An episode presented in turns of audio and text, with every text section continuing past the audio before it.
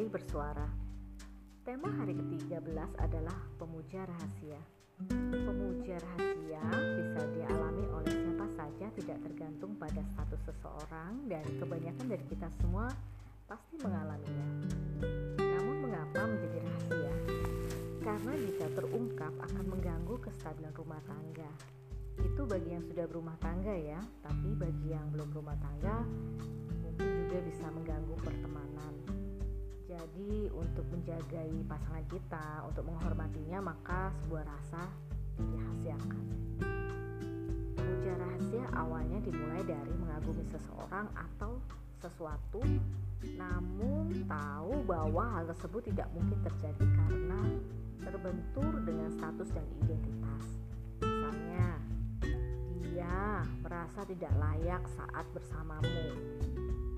Ya mungkin aja kamu terlalu pintar bagi dia, atau kamu terlalu cantik, atau kamu terlalu hebat sehingga dia merasa bahwa dia nggak pantas untuk bisa bersama-sama denganmu. Jadi cukup mengagumimu aja.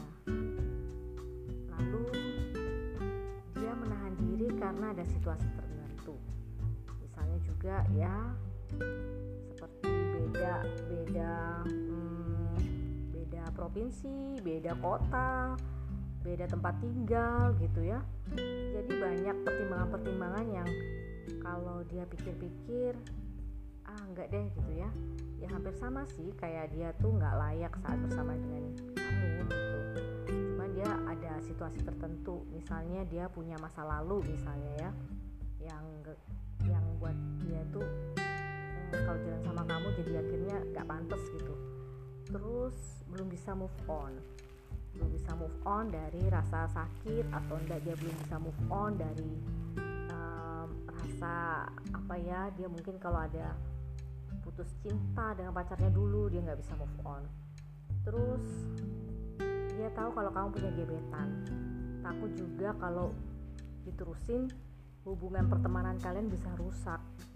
Atau juga kamu tuh masih galau sama perasaanmu. Antara kamu bimbang menyukai dia apa nggak enggak juga gitu ya.